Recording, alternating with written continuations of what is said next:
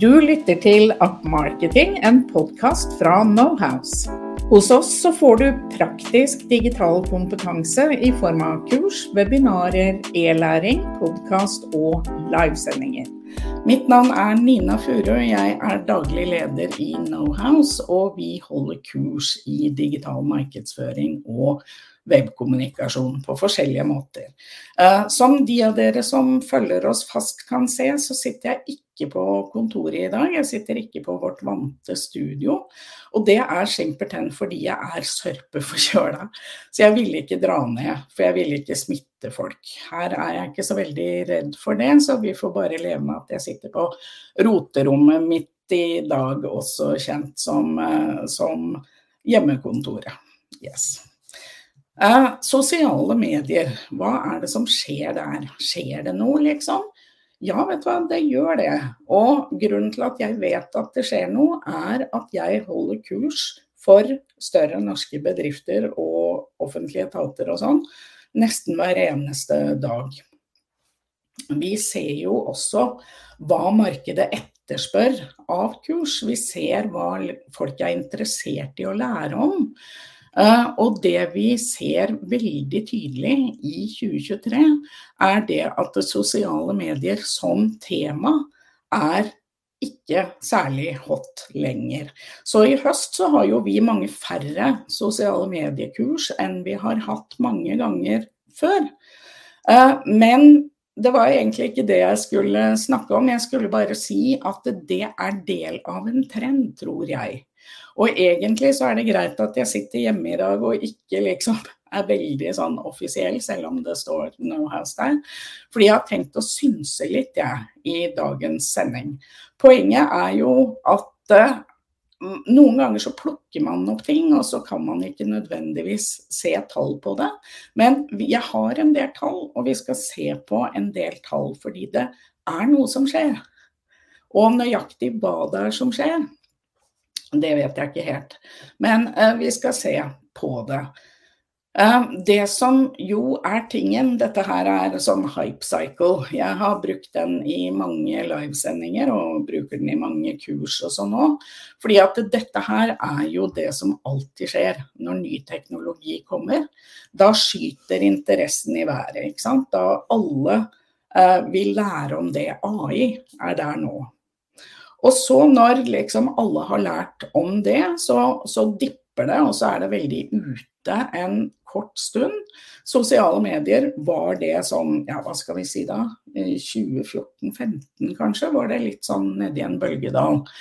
Eh, men så etter det så kommer man jo da opp på det som i eh, trendsammenheng heter 'plateau of productivity'. Altså der hvor dette egentlig bare er en del av livet for oss. Det er en del av infrastrukturen eh, i det vi driver med. Uh, og jeg skjønner jo også at uh, siden vi har veldig profesjonelle kunder, vi har jo kurs for profesjonelle, liksom. Vi har kurs for de som sitter og gjør dette her på full tid ofte. Uh, og de kan sosiale medier nå. De kan Facebook, de kan Instagram, de kan eh, ikke TikTok fullt så godt, men, men det begynner å komme seg, det også. Så, uh, så akkurat den, det skjønner jeg. Men greia er nok at vi begynner å platået ut, og spørsmålet er om det går ikke bare bortover nå, men om det faktisk kan komme til å gå nedover. Eh, det prøvde jeg å finne ut av, så jeg har eh, googla litt og sett litt på tall og sånn. Eh, og dette her er jo da et tall fra Statista, statista.com, som har veldig mye bra statistikk. Verdt å kjøpe seg en konto der. Dette her er liksom antallet sosiale mediebrukere i verden fra 2017 til 2027. Jeg kan ta også uh, sette den litt større for deg her. Uh, I milliarder, da. Og da er det altså spådd, nå er vi på 2023, da står det 4,89 milliarder. Uh, og pro prosjektert, da, eller de, de ser for seg at i 2027 så er det tallet oppe i 5,85 milliarder. Så det betyr jo at dette er ikke kanaler som dør i og for seg. Men det er kanaler som endrer seg. Og ikke minst så endrer det seg fordi at den største aktøren i dette markedet har eh, store problemer. Og det må vi egentlig bare si. Um, det fins en Jeg skal komme tilbake til de problemene som Meta har. Men jeg har lyst til å si noe om en litt større trend først. Og det er denne trenden med at alle hermer etter TikTok. Du har sikkert lagt merke til det. TikTok er liksom peneste jenta i klassen om dagen.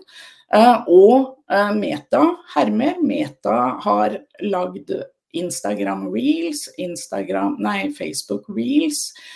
YouTube har laget YouTube shorts. Snapchat har laget denne, hva heter den, Snapchat Spotlight heter den. Uh, og det, det, alle vil ha det formatet der. Men vet du hva, én ting er formatet. Formatet er bare én ting. Det er en annen ting òg, og det er algoritmen. Og greia er, hvorfor bruker vi som markedsførere og kommunikatører sosiale medier? Jo, vi bruker det fordi det er en måte å få et budskap ut til et publikum som ikke har spurt etter det. Med andre ord, det er push-kommunikasjon, det er push-markedsføring. Google som er liksom det folk spør etter, det er pull, ikke sant. Så det er en annen greie. Men sosiale medier er push. I, gjennom sosiale medier så kan du prikke hvem som helst på skulderen og si hei du, jeg syns du burde se på dette her. Og det er en stor verdi. Eh, og derfor så har vi jo også vært veldig nøye med å prøve å bygge likes, da, eller følgere, egentlig ikke likes, men følgere. Vi har jobba med å bygge følgere i de sosiale mediene der hvor vi er som bedrifter. Men her er det altså et uh, lite problem, og det er det Hei til Jamie Siv. Uh, det er det at uh, ikke bare hermer andre etter formatet til TikTok. De hermer også etter algoritmen, og algoritmen til TikTok er ikke sånn som algoritmen til Facebook var. Eh, algoritmen til Facebook i gamle dager, da det var lett å markedsføre og kommunisere på Facebook, var jo sånn at du nådde ut i nyhetsfeeden til de som fulgte deg. Det var derfor vi eh, bygde følgere, ikke sant.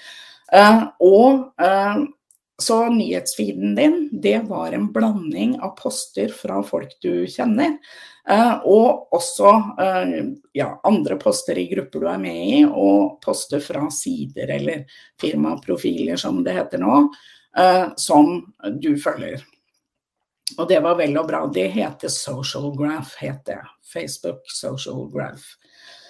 Men TikTok er ikke sånn. TikTok er ikke sånn at du får poster fra de du kjenner, eller fra de du har valgt å følge. TikTok er sånn at du får de postene som algoritmen tror at du liker. Og algoritmen er jæskla smart. Den klarer å merke veldig subtile signaler på hva du gjør, og hva du responderer på. Eh, og så får du mer av det, ikke sant. Hvis du har lurt på hvorfor du plutselig får poster fra tilfeldige mennesker som du ikke kjenner, på, uh, på, på Facebook f.eks., så er jo det fordi at de også skrur mer og mer over mot interest graph. Fordi de ser at det funker for TikTok, og så tenker de det funker sikkert for meg også. Og det gjør det faktisk ikke. Kjære Meta. Jeg f.eks. Jeg er jo i den alderen hvor venninnene mine begynner å bli besteforeldre. Og det betyr jo at jeg liker ofte på sånne poster fra venninner som er blitt bestemor, og de blir jo helt gærne. Så det er jo bare dette barnebarnet for alle penga. Så de poster om det, og så må man jo for høflighetens skyld like og hjerte og litt sånn å, så nusselig, ikke sant. Men det plukker jo da algoritmen til Facebook opp, og så tror den at jeg er interessert i alle barnebarn. Og så får jeg liksom tilfeldige mennesker som jeg ikke kjenner, som, som viser fram sine barnebarn og skryter av de. Er jeg interessert i det? Nei. Så dette her funker ikke. Men de prøver jo da. Og når de da har prøvd det, så vil jo jeg si at det ikke bare er de ikke særlig flinke til det, men Eh, de har også egentlig ødelagt det som var ålreit, som var at du faktisk kunne se ting fra de du var interessert i, og de du fulgte.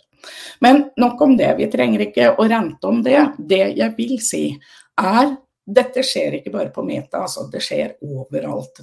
Endring i algoritmene fra social graph til interest graph, til det de kaller discovery engines. ikke sant? De oppdager hva du er interessert i og feeder deg det. Hvorfor gjør de det? Jo, fordi at da sitter du der innmari lenge.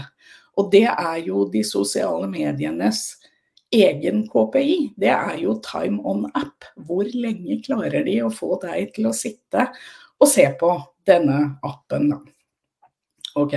Men det som også skjer, er det at når vi da går fra fra social graph til interest graph, så blir jo antallet følgere f.eks. mye mindre relevant. Og derfor så merker også mange bedrifter at rekkevidden synker. Og når vi som bedrifter bruker liksom, sosiale medier som push-kanaler, det funker jo bare hvis vi er til stede i brukers nyhetsfeed. Altså at vi har rekkevidden.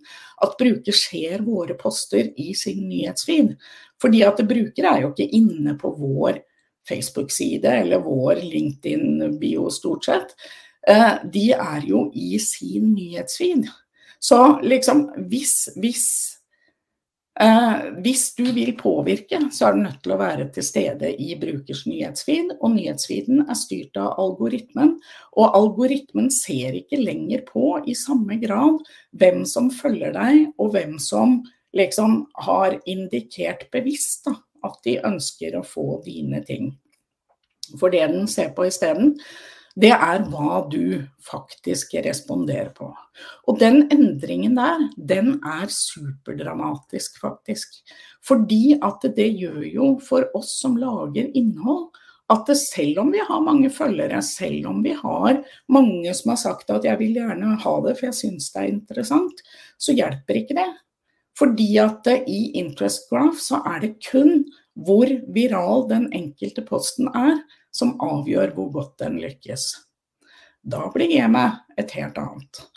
Og da blir det også veldig, veldig viktig at vi har gode poster. Da. Og gode poster betyr at vi klarer å fenge og catche og gjøre noe interessant på veldig kort tid, og helst som loopa video. Uh, skal vi se. Jeg ser at Jamie Siv her sier at jeg blir helt gæren av det. Det gjør jeg òg. Etter at jeg fikk barnebarn, ser jeg bare sånne foreldreposter, andres barnebarn, andre besteforeldre. Og så var jeg så dum at jeg lika et bilde av katta til venninna mi. Og dermed har vi det gående, ikke sant. Det, det gjør noe med hvordan vi konsumerer innhold, da. Men altså, det er den ene, det er den store trenden. Den endringen der. Den kommer til å ha enormt mange konsekvenser. Men Meta har større problemer enn det, faktisk. Uh, og nå, det jeg sier nå, det blir veldig sånn anekdotisk, fordi at det er basert på at jeg prater med veldig mange profesjonelle webkommunikatører, digitale markedsførere, sosiale medieansvarlige. Jeg snakker med mange av de hele tiden. Eh, og det de sier, er jo at de er ganske fortvila over hvor klønete Facebook er blitt. Facebook er blitt ganske råttent, jeg må bare si det. Én ting er dette her med at rekkevidden stuper, men en annen ting er jo at de kan ikke bestemme seg. De kan ikke bestemme seg. Skal vi bruke Business Manager, eller skal vi bruke Business Suite, eller skal vi bruke Creator Studio, eller skal vi gjøre ting rett på siden, skal vi gjøre det i appen, skal vi gjøre det på desktop? De klarer liksom ikke å bestemme seg, og det er veldig frustrerende. En helt annen ting er at det går nesten ikke en uke for meg uten at jeg får minst én e-post som er ganske fortvila, og sier det at eh, jeg vet ikke hva jeg skal gjøre fordi at annonsekontoen min er blitt stengt. Eller sida mi er blitt tatt ned. Eller profilen min er blitt blokka. Eller jeg er blitt hacka. Ikke sant? Uh, og, det, uh, og det er um, ikke en bra brukeropplevelse, for å si det sånn. For det er jo vi som er annonsører som betaler regninga til Meta. Og når det er vi som betaler regninga, så syns jeg godt at vi kunne fortjene litt mer enn de der helsikes automatbeslutningene som er det du faktisk får. Du, de har klageprosedyrer, hva skjer det? Det trigger bare en umiddelbar sånn autosvar. Nei, du har brutt reglene. Hvilke regler? Hvordan? Hva har jeg gjort, liksom? Får du ingen noe svar på. Og det å da liksom komme tilbake, da. Det finnes jo massevis av caser på folk som har måttet begynne på nytt. De har måttet begynne på nytt med en ny firmaprofil, med en ny business manager, med en ny annonsekonto osv. osv. Jeg ser her at en jeg ikke kan se hva heter, sier husk at det er fullt mulig å nullstille algoritmene, f.eks. i TikTok, og det kan være nyttig å gjøre innimellom. Det er jeg helt enig i. Og Meta har jo faktisk også en mulighet til å velge en social graph-algoritme, så det går også an å gjøre. Glade tarmer eh, skriver her at er det hva jeg liker på min private konto, eller er det hva vi liker på de forskjellige sidene og bloggene mine, hva påvirker hva? Alt påvirker. Og um, nå, nå, driver jo Det er en annen ting som Facebook driver med, da. Eh, og sjonglerer. Det skal jo Før så var det sånn profiler var for personer, side var for bedrifter. Nå skal alt være profiler, og så har du firmaprofiler, og så har du personlige profiler. Og så kan du togle i appene ikke sant? og bestemme om du skal være siden eller om du skal være deg selv. Men bottom line er jo at du er det er du som gir signalet. Og det er dine eyeballs, da. Det er din mobil. Fordi det er dine data dette handler om. Og det er ikke noe vanntette skott der, Mette Gry. Jeg ser du sier at du heter Mette Gry, og det var fint. Eh, så jeg kan ikke svare detaljert på det du spør om, nøyaktig hva som påvirker. Men så vidt jeg har klart å observere, så er det bruker, det er den som sitter der og blar. Fordi at uh, min kollega og jeg, vi får forskjellige nyhetsvider når vi er der som firma, begge to. Uh, og det må jo bety at dette er tilpassa individ og ikke bare konto, da. Men vi får se. Vi får se. Det, I hvert fall så er det massevis av feil, og det er glitcher og det er utestengninger, og du får basically bare automatiske svar. Og Facebook har ingen kundeservice, med mindre du bruker mye penger. Da kan du få lov å snakke med en selger. Men en selger er jo da ikke en som kan hjelpe deg med tekniske spørsmål eller sånne ting. Det er basically en som bare kan fortelle deg hvordan du skal kjøpe mer annonser. Jeg syns ofte Google Trends er et nyttig mål på hvordan ting går med folk. Dette her er antallet søk etter Facebook, ordet Facebook. Og det sier noe om populariteten. Altså om du ser, så går den eh, kurven nedover. Og det er, tror jeg, symptomatisk på akkurat det jeg sitter og snakker om nå, som er at dette går ikke riktig vei for Meta. Jeg ser Magnhild her sier hei, hører du om noen som har problemer med segmenteringa i annonseoppsett? Opplever at Facebook overstyrer geografisk segmentering. Den der, den har vi opplevd lenge, Magnhild. Den har vi faktisk opplevd med social graph òg. Det har vært masse teorier om hvorfor det skjer.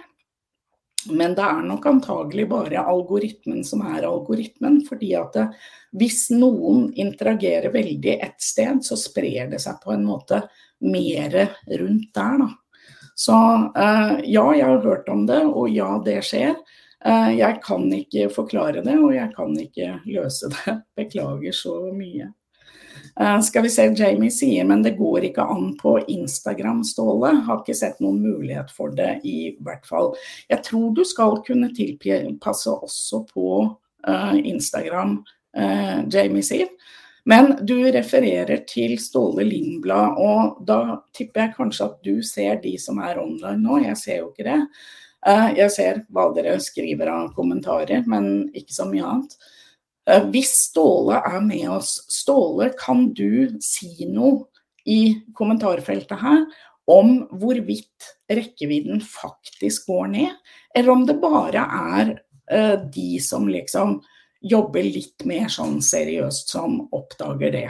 Fordi jeg vet jo at du gjennom din tjeneste somestatus.com, interessant tjeneste by the way, og gratis, uh, gjennom den så får du tilgang til ganske mye Facebook-data. Og du offentliggjør jo også ofte tall på rekkevidde i Norge.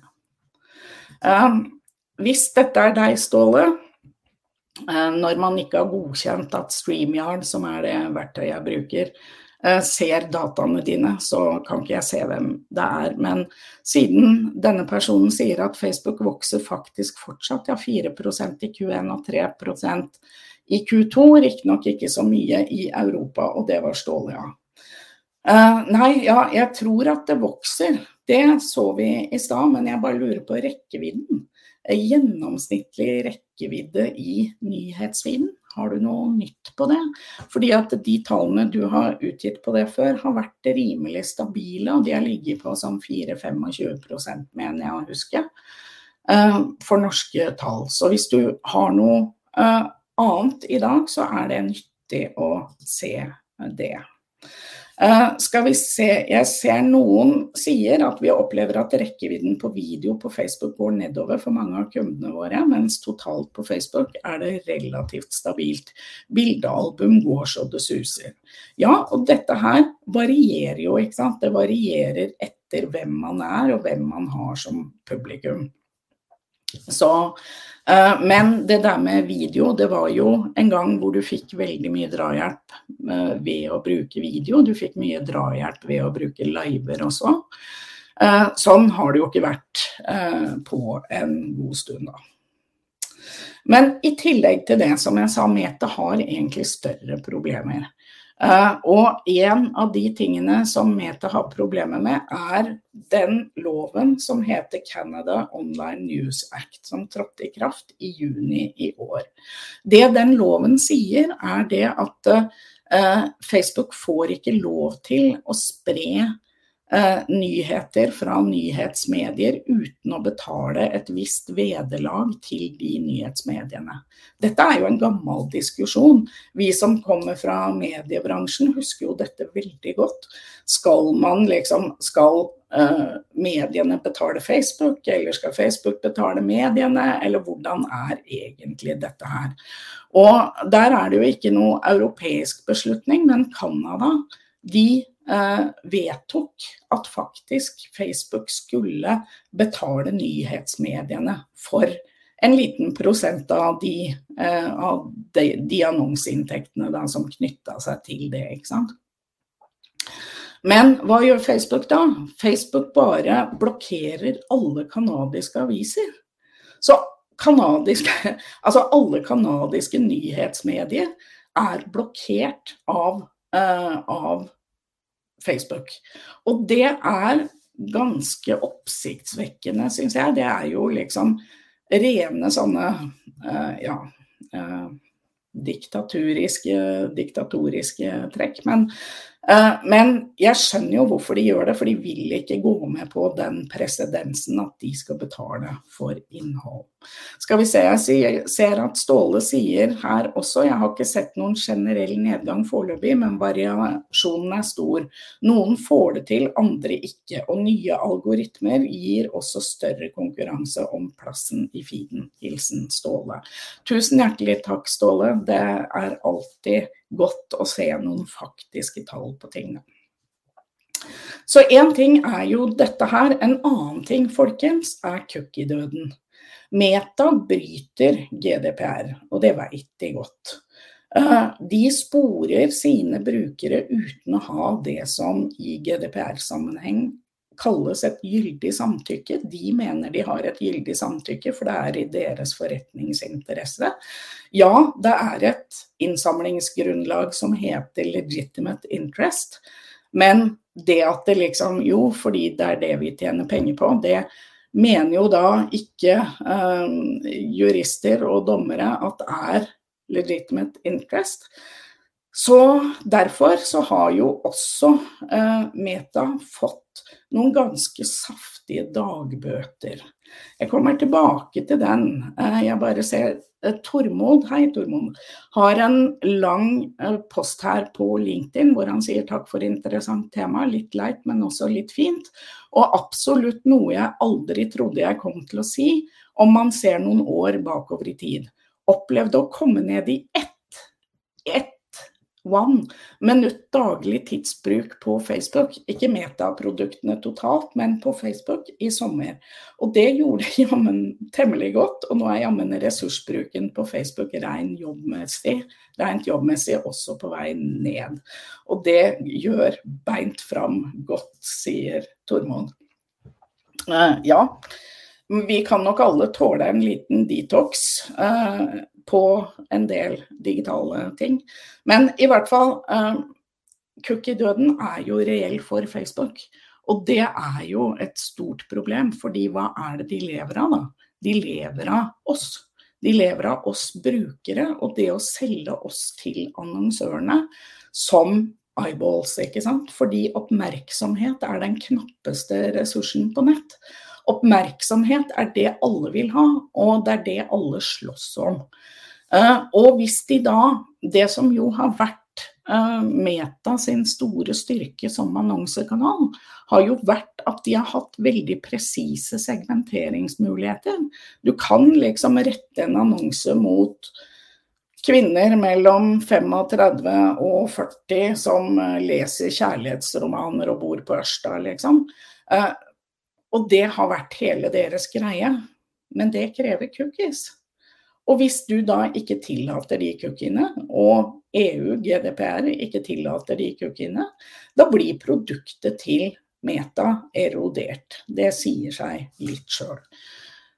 I Norge så uh, betaler de dagbøter, en million om dagen, fordi at de fikk ikke medhold i at det at de skulle tjene penger, var legitimate interest. Så derfor så ble, de, eh, ble det vedtatt at de hadde samla inn ting de ikke hadde grunnlag for å ha. Og det får de dagbøter for så lenge inntil de slutter. Og de vil selvfølgelig ikke slutte. Så de anka det inn. Men uh, Datatilsynet vant den ankesaken også. Så Meta betaler dagsbøter på en million om dagen. Fordi nå er nok det ganske mye mer enn de tjener per dag i Norge. Så det går nok i pluss for dem. Men allikevel, det sier noe om at ting er i ferd med å liksom pulveriseres litt her, da. Når alt dette er sagt, så må vi jo heller ikke stikke under en stol at Meta er fortsatt den viktigste kanalen, både i antall brukere og som annonsekanal. Dette her er Statista-tall. Igjen, jeg anbefaler Statista. Eh, dette er da de mest populære sosiale nettverkene i verden, januar 2023, som er den nyeste. Den kommer i januar hvert år. Og nå ser jeg at tallet på Facebook på toppen der er skjult av logoen min, men det er altså da nesten 3 milliarder månedlig aktive brukere. Og så har du da YouTube på 2,5 og WhatsApp på 2, Instagram på 2. Uh, og det det betyr, er det at av de fire største mediene, sosiale mediene i verden, så eier Meta tre av dem. For Meta er jo Facebook og WhatsApp og Instagram, og også Messenger. Men Messenger ligger litt lenger ned her, på under en milliard, faktisk. Og jeg hadde en dame Jeg var Uh, ja, nå husker jeg ikke hvor det var. Jo, jeg var i Fredrikstad faktisk og holdt et kurs i forrige uke. Og da var det en dame som kom bort til meg i pausen og sa vet du hva, min, uh, min uh, stedatter som er 14-ish, liksom, hun har sletta Messenger. Og hun, var, hun stemora her var jo ganske sånn Hæ, går det an å slette Messenger? Det går ikke an for meg, fordi har, vi har masse sånne vennechatter og sånn som går på Messenger. Men uh, Messenger har ligget høyere før på denne målingen her. Så altså, selv om det er problematisk, da, så er Meta fortsatt størst.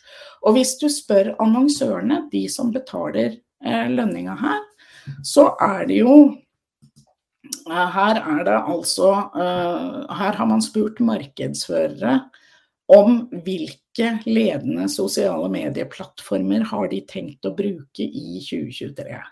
Og da svarer 89% Facebook, 80% Instagram på andreplass, 64% LinkedIn, 54% YouTube, 44% Twitter og 26 TikTok. Så det er jo også interessante tall, da. Uh, skal vi se. Dommen er vel ikke Hei, Astrid, hyggelig å se deg òg. Dommen er vel ikke rettskraftig ennå, og Meta har sagt at de skal rette seg etter dette og legge til rette for at folk skal gi aktivt samtykke. De har bl.a. sendt ut e-post til Instagram-brukere med varsel om endringer i terms and conditions 20.10. Om du bruker Instagram etter det, så godtar du betingelsene deres. Hva tenker du om det? Det jeg tenker om det, er det at det er ikke GDPR-compliant. Fordi i GDPR så er det eksplisitt sånn at du skal ha et separat, eksplisitt, aktivt samtykke. Med andre ord, jeg skal si ja, jeg godtar dette. Det at jeg ikke sier nei, jeg godtar ikke dette, er etter min enkle forståelse ikke i henhold til GDPR. Men vi får se. Det er spennende. Jeg ser også at Jamie Siv har fått et uh, svar fra Ståle på det med Instagram. Du kan ikke nullstille på Insta, men du kan justere hvilke kategorier Meta plasserer deg i. Enten med å gå inn på enkeltposter og velge se mer, se mindre, eller i personverninnstillingene. Veldig bra tips der, Ståle. Og i det hele tatt så sier jo da Jamie Siv ja, det vet jeg, trodde du mente en måte å enkelt nullstille algoritmen. Ok. Um, det er det å kikke på personverninnstillingene og gjøre noe med dem, er en veldig interessant og nyttig ting, altså. Ok. Men liksom meta. Meta er størst, meta er viktigst, men TikTok er penest. TikTok er den som alle liker best mer fengende enn noen andre, størst på audience retention, og det er altså det de sosiale mediene selv måler på.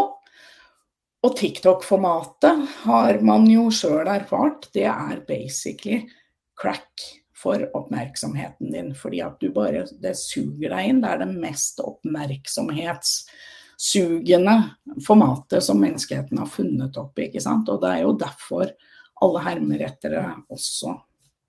Uh, og her har jeg gjort et tilsvarende Google Trend-søk på TikTok som det jeg hadde med Facebook i stad.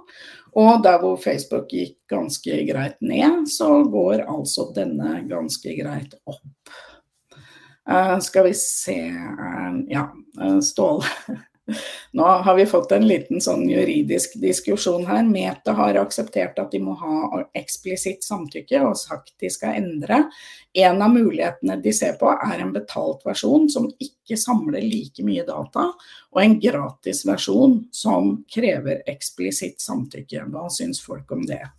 Eh, svar gjerne Ståle på det i chatten her, fordi at eh, det er jo interessant Meta eksperimenterer med modeller, og det er det mange som gjør. Og fordi at det er klart dette her truer Metas eksistens. Det er selve produktet deres, liksom. Det er kjerneproduktet deres.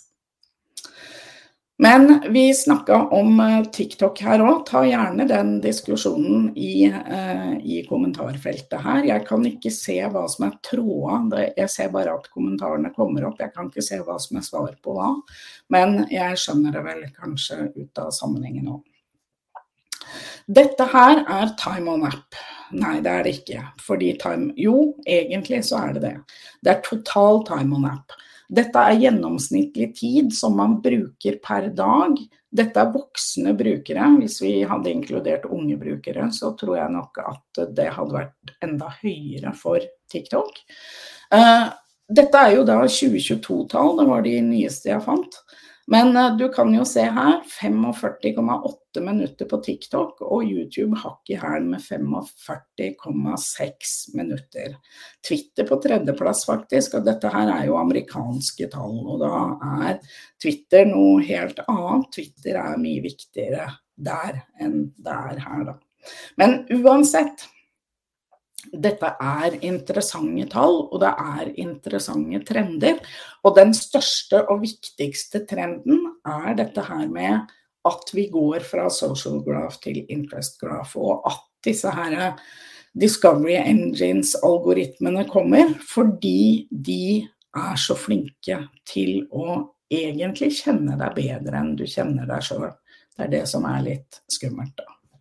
Og TikTok er jo kongen av det. Og så har vi jo hatt nå har vi snakka litt om dette her trøbbelet som Meta har. Google har jo også hatt problemer fordi at eh, Universal Analytics, den gamle versjonen av Google Analytics, brukte også datafeil. ikke sant? Så Derfor så har jo Google kommet med Google Analytics 4. Og så har det vært masse diskusjon eh, som har kulminert i denne her endelig vedtatte EU-US eh, e Data Privacy Framework heter den. Det er den der nye loven som har tatt over etter Privacy Shield. Og det den gjør, er jo at den gir ikke Altså, den prøver å gjøre noe med dette med at amerikanske myndigheter har tilgang til Google-data. Og når du bruker Google Analytics, så det, det, inkluderer det i teorien dine brukerdata. ikke sant? Det har vært hele greia. Men seriøst, folkens. TikTok gjør akkurat det samme uh, for kinesiske myndigheter. Og kinesiske myndigheter, om amerikanske myndigheter ikke er så greie å ha med å gjøre, så tror jeg ærlig talt ikke at TikTok, uh, altså at kinesiske myndigheter, er noe bedre da. Så ByteDance har jo der akkurat det samme problemet som Google har hatt, og som de langt på vei har løst med GA4. Men det som forbauser meg litt, er at det OK, det er noe Noen snakker om det. Og særlig i offentlig sektor så snakker man om det. Men basically så snakker man ikke om det fordi at TikTok er bare så gøy. Jeg tror det må være det. Altså, jeg syns TikTok er gøy sjøl.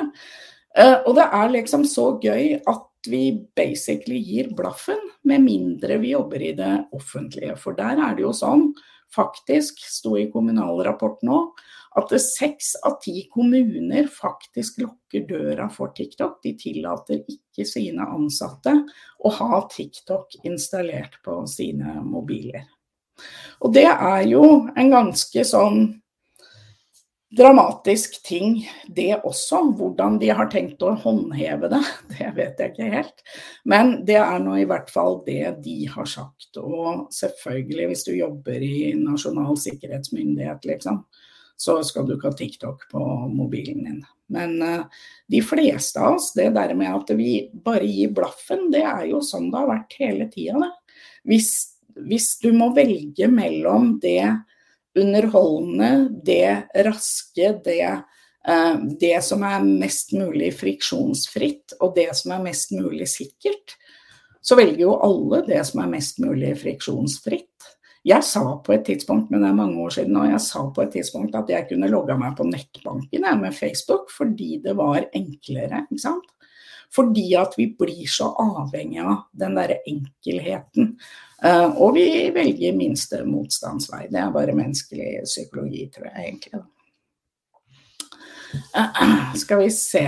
Nå ser jeg her at TikTok eh, Ståle sier at TikTok har adressert det ved å etablere datasentre utenfor Kina.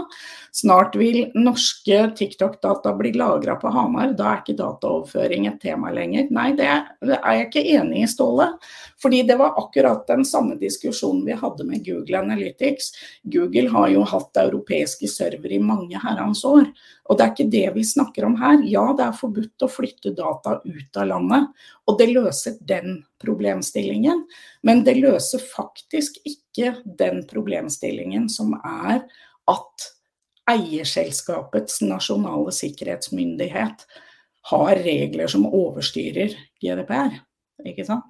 Så det er Men det er nyttig å vite uh, uansett, da.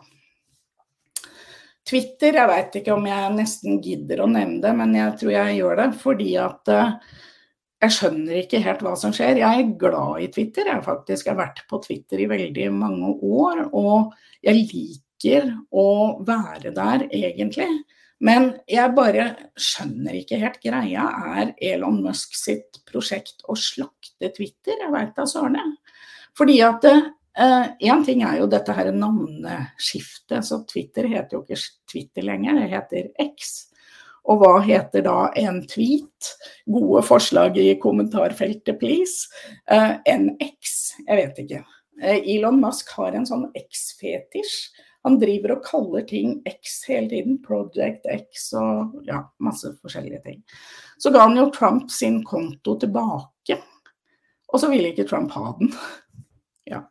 Uh, de som monitorerer, de som overvåker og liksom passer på at folk holder seg i skinnet, de har jo fått fyken. Eh, journalister som skriver kritiske ting på Twitter om Elon Musk, blir utestengt fra Twitter, eller X, da. Og det er mer hat på Twitter enn noen gang. Det skrev faktisk New York Times om nå ganske nylig også. Hate speeches rise on Twitter is unprecedented, researchers find. Og det er jo triste greier, da. Dette her blir en veldig sånn eh, kavalkade, altså. Men jeg har lyst til, og det er mye synsing i dette her. Jeg er litt mer frittalende i dag enn jeg ofte er. Jeg sitter hjemme, jeg sitter ikke med logoen bak meg, selv om jeg har logoen på skjermen likevel. Men allikevel. Jeg får lov til å synse litt i dag, det syns jeg. Eh, og en annen ting som jeg har vibba, og som jeg har plukka opp, det er at jeg tror Snapchat faktisk står foran en renessanse. Fordi bare i løpet av de siste par ukene så er det faktisk flere kunder som har nevnt Snapchat til meg, som har snakka om Snapchat som en aktuell kanal for dem. Og det, eh, det har jo da vært kunder som ønsker å nå en ung målgruppe. og der er vel kanskje TikTok og Snapchat i ferd med å bli en sånn eh, liten sånn eh, fin eh, kombo som eh, er mer aktuell for bedrifter igjen. Fordi det var en periode hvor bedriftene ikke var så glad i Snapchat. Fordi Snapchat var vanskelig å oppnå en markedsføringseffekt i, liksom. Eh, men nå er det eh, plutselig mer aktuelt igjen, så det er jo interessant at de gjør det. Nå, dette webgrensesnittet som kom i fjor også, tror jeg faktisk gjør det litt enklere for oss som jobber profesjonelt. LinkedIn, folkens. LinkedIn er jo gull. LinkedIn er liksom den som alle liker, som alle bruker mer og mer tid på. Det er også en sånn ting som jeg hører. Sånn, ja, jeg, nei, LinkedIn syns jeg egentlig bare har blitt bedre og bedre. LinkedIn er faktisk blitt vesentlig mindre formell, har jeg observert. Og det syns jeg er veldig bra, fordi det fine med sosiale medier er jo at man kan ha en, en, liksom, en nærhet og en varme, da, ikke sant. Så, så, LinkedIn tradisjonelt har jo vært for de som har næringskontakt og vi som jobber business to business, og for de som søker jobb eller jobber med rekruttering. For alle de så har jo LinkedIn vært egentlig en veldig viktig eh, kanal. Men jeg ser jo at LinkedIn begynner å bli litt mer enn det. Og uh, jeg hører pene ting. Jeg hører stadig pene ting om LinkedIn. Uh, jeg vet ikke om du husker denne fra i stad. Vi hadde denne grafen oppe i stad også. Uh, hvor da vi spør om hva markedsførerne har tenkt å bruke penger på. Og LinkedIn der er faktisk tredje størst, altså. og det betyr jo også at markedsføre er veldig bevisste på LinkedIn. LinkedIn har jo typisk en mye høyere kontaktpris da, enn det Meta har. Men uh, allikevel, i business to business så har vi jo også ofte høyere liksom, uh, pris per produkt enn man har i B2C. da. Før jeg forlater eh, åstedet i dag, så har jeg tenkt å si litt om YouTube, faktisk. Fordi YouTube er innmari undervurdert. YouTube er jo eid av Google, og jeg mener jo at YouTube ikke er et sosialt medium, men en søkemotor. Jeg mener for øvrig også at i organisk bruk så er ikke Snapchat et sosialt medium heller. Det er en direktemeldingstjeneste, ikke sant. Men i hvert fall YouTube, da. YouTube er jo veldig ålreit som kanal. Den har kjempehøy trafikk. Det har vi sett. Den har kjempehøy tidsforbruk. Uh, den har der hvor du liksom Det er jo ikke noe vits i, egentlig. Og nei, det skal jeg ikke si det, for det er jo selvfølgelig en vits for noen. Men TV-annonsering de store merkevarene gjør jo det, de, og det er helt fint. Men eh, TV-annonsering er jo ikke den derre magiske, riktignok dyre, men magiske tryllestaven som gjør at alle ser budskapet ditt lenge. Så, men de TV-annonsene som du da kanskje ikke har på lineær-TV, fordi at de ja, A, det er dyrt, og B, det, du når et begrensa publikum. Og C, du når et publikum med rimelig høy snittalder. Uh, det er liksom én ting. Men de annonsene der, de gjør du jo faktisk ganske bra på YouTube. Og i tillegg så er det jo det å ha et redaksjonelt nærvær på YouTube som er viktig, altså. Det er en viktig del av din innholdsmarkedsføringsstrategi vil jeg påstå, hvis du har noe innhold som er enklere å vise enn å forklare. Fordi at eh, som sagt, YouTube er en søkemotor. YouTube er en søkemotor hvor folk søker etter hvordan de skal gjøre forskjellige ting. Eh, og, eh, og i den prosessen der så kan du jobbe med å lage innhold som faktisk kan komme opp i søket. Så har du lyst til å lære deg noe Vi har ikke noe kurs på det enda, men jeg håper vi får det. Jeg vet ikke om det er meg som skal holde. det, Jeg hadde hatt lyst til å ha noen andre. Men vi får se. Men YouTube SEO, YouTube SEO er en viktig ting. Og det kommer bare til å bli mer og mer viktig. Og noen bruker jo YouTube egentlig bare som Vimeo, liksom. Altså som et sted å ha videoene sine, sånn at de kan embedde dem på egne websider. I og for seg greit, det òg. Men du kan jo legge fem øre i og gjøre dem best mulig søkbare, da. Og det er helt analogt til vanlig SEO. Tenk overskriften, tilsvarende title tag, ikke sant. Skriv den sånn at den er søkemotoroptimalisert, at den tilsvarer et søk. Uh, beskrivelsen, som er tilsvarende meta-description, men der hvor meta-description vi anbefaler at den er maks 160 tegn, så har du jo muligheten til å skrive 5000 tegn på YouTube i beskrivelsesfeltet og lage lenker og alt mulig. Og i tillegg så har jo da YouTube disse etikettene. Og det er faktisk, for de som måtte være gamle her Eh, så er det tilsvarende det som i webens ungdom var meta-keywords eh, i SEO. At du kunne skrive inn ord som påvirka søketreffet. Det har jo ikke vært en greie på Google siden 2004-ish, men det har vært uh, en ting uh, på YouTube, og er det fortsatt. Så det å være smart med de tre, hvis du bare er smart med de tre, så ligger du ahead of the curve. For det er innmari mange som ikke er bevisste på hvordan de skal bruke YouTube i det hele tatt.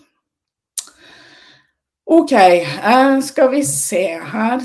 Ståle, takk for at du bidrar, Ståle. Eh, denne uka sa han, jeg tipper dette er Elon Musk, at han kommer til å kreve betalt av alle som skal bruke X. Om det skjer eller ikke, vil jo tiden vise. Han sier jo mye rart. Ja, han gjør det. Jeg skjønner ikke filla, jeg, altså. Eh, det der med hat på Twitter, da. Det er ikke så mye hat på norsk Twitter. I hvert fall ikke på den delen av norsk Twitter som jeg henger i. Eh, det er jo politikk, og det er jo politiske diskusjoner, men det er jo ikke hat, liksom. Men ja.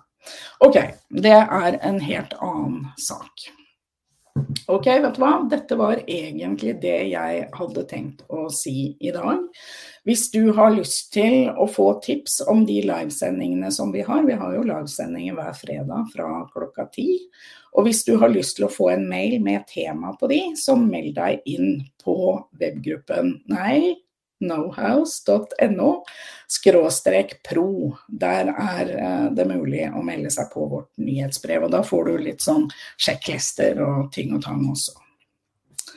Neste fredag så får jeg faktisk storfint besøk. Vi kommer til å fortsette denne her trendgreia som jeg er interessert i om dagen, så jeg får besøk av Marius Carlsen. Marius Carlsen er han som skriver nyhetsbrevet helt digital. Uh, som jo, når folk spør meg hvordan holder du deg oppdatert, så er jo svaret at jeg abonnerer på nyhetsbrevet hans. Ja, jeg ser en del andre ting enn det òg. Men han har et veldig bra nyhetsbrev, og han har fingeren på, veldig på pulsen.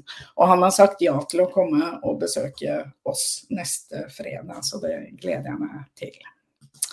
Ok, men da tror jeg jeg sier takk for meg fra roterommet, og så håper jeg jo at vi kanskje ses om en Jeg ser hashtag Hashtag fredagskos med Nina. Det høres på en måte ut som noe helt annet, men jeg skjønner greia. Tusen takk. Ok.